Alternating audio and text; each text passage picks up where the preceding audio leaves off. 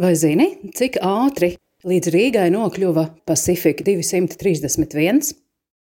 Artūra Onegēra simfoniskās miniatūras Pacific 231 prototyps bija sava laika tehnikas brīnums. Tvaika lokomotīve, kas spējusi sasniegt 120 km ātrumu stundā. Pēc pirmatskaņojuma Parīzes operā 1924. gada maijā Pacific 231 ceļi veda uz visām debespusēm, un izrādās, jau pēc nieka septiņiem mēnešiem tas nokļuva arī Rīgā. Jēkabs Graubiņš avīzē Latvis 1925. gadā raksta. 8. janvāra simfoniskais koncerts interesēja ne tikai ievērojamā poļu diriģenta Fitelberga, bet arī modernās programmas dēļ. Nezinātājs, kuru Rīgā ievedis kāds gadījums, pēc šīs programmas patiešām var sākt domāt, ka mēs, rīznieki, ļoti ātri reaģējam uz visām jaunākajām parādībām pasaules mūzikas dzīvē. Artūra Onegēra Pacific 231 - modernās mūzikas pēdējais vārds un jau mūsu simfonisko koncertu programmā. Patiesi, ir pagājuši vien četri gadi pēc brīvības cīņām, Latvijas mūzikas dzīvē vēl daudz robu, bet Rīgu jau sasniedz viena no sava laika skandalozākajām novitātēm, kuru mūsu kritiķi steidz raksturot kā modernu un ultramodernu. Pārsteidzošā kārtā Rīgas publika šo darbu uzņem tik atsaucīgi, ka Gžegožām Fitelbergam Pacifiku nākas pat atkārtot. Varētu jautāt, kas noteica tik progresīvu attieksmi.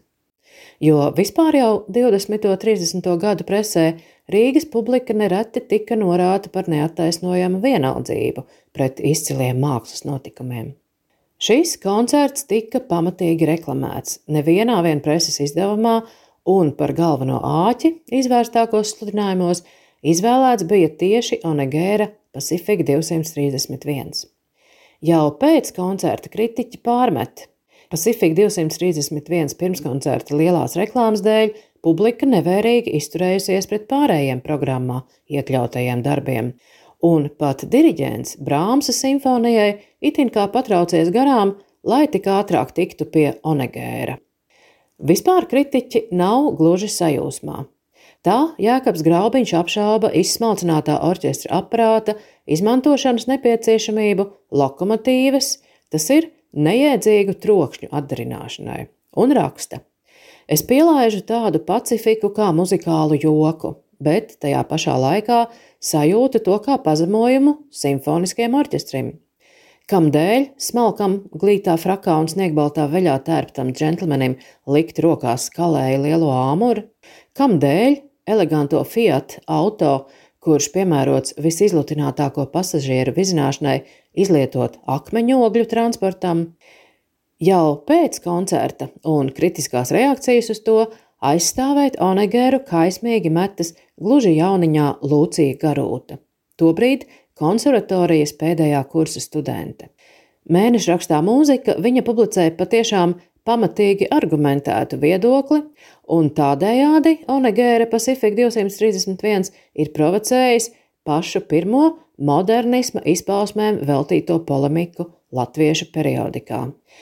Pārmetumus Anegēram Lūcija Garūta nosauc par netaisnību, jo vienīgais atbildēšanas vērtais jautājums esot, citēju, vai šī imitācija ir visa Onegēra darba mērķis, jeb tikai līdzeklis, ar kuru sniegt pārdzīvojumu klausītājiem. Un tad šķiet ieraugām garūtu pirmo sievieti autobraucēju Rīgā. Viņa raksta: Šī mašīnas nevaldāmā tālē trauksme, Vai tā nevar rast atbalstu cilvēka dvēselē? Vai tā nevar mūs nedrusku sajūsmināt? Onegērs ir izjūtis mašīnu un gribējis šo pārdzīvojumu dot citiem. Ritenīšu un skrūvīšu imitācija viņam vajadzīga, lai radītu mašīnas dzelžaino ritmu. Šim nepielūdzamam ritmam arvien vairāk spēkā pieaugot, Onegērs beidzot liek misiņu pūtējos gavilēt dzelzs ķermenī sakopotiem vulkāniskiem dabas spēkiem.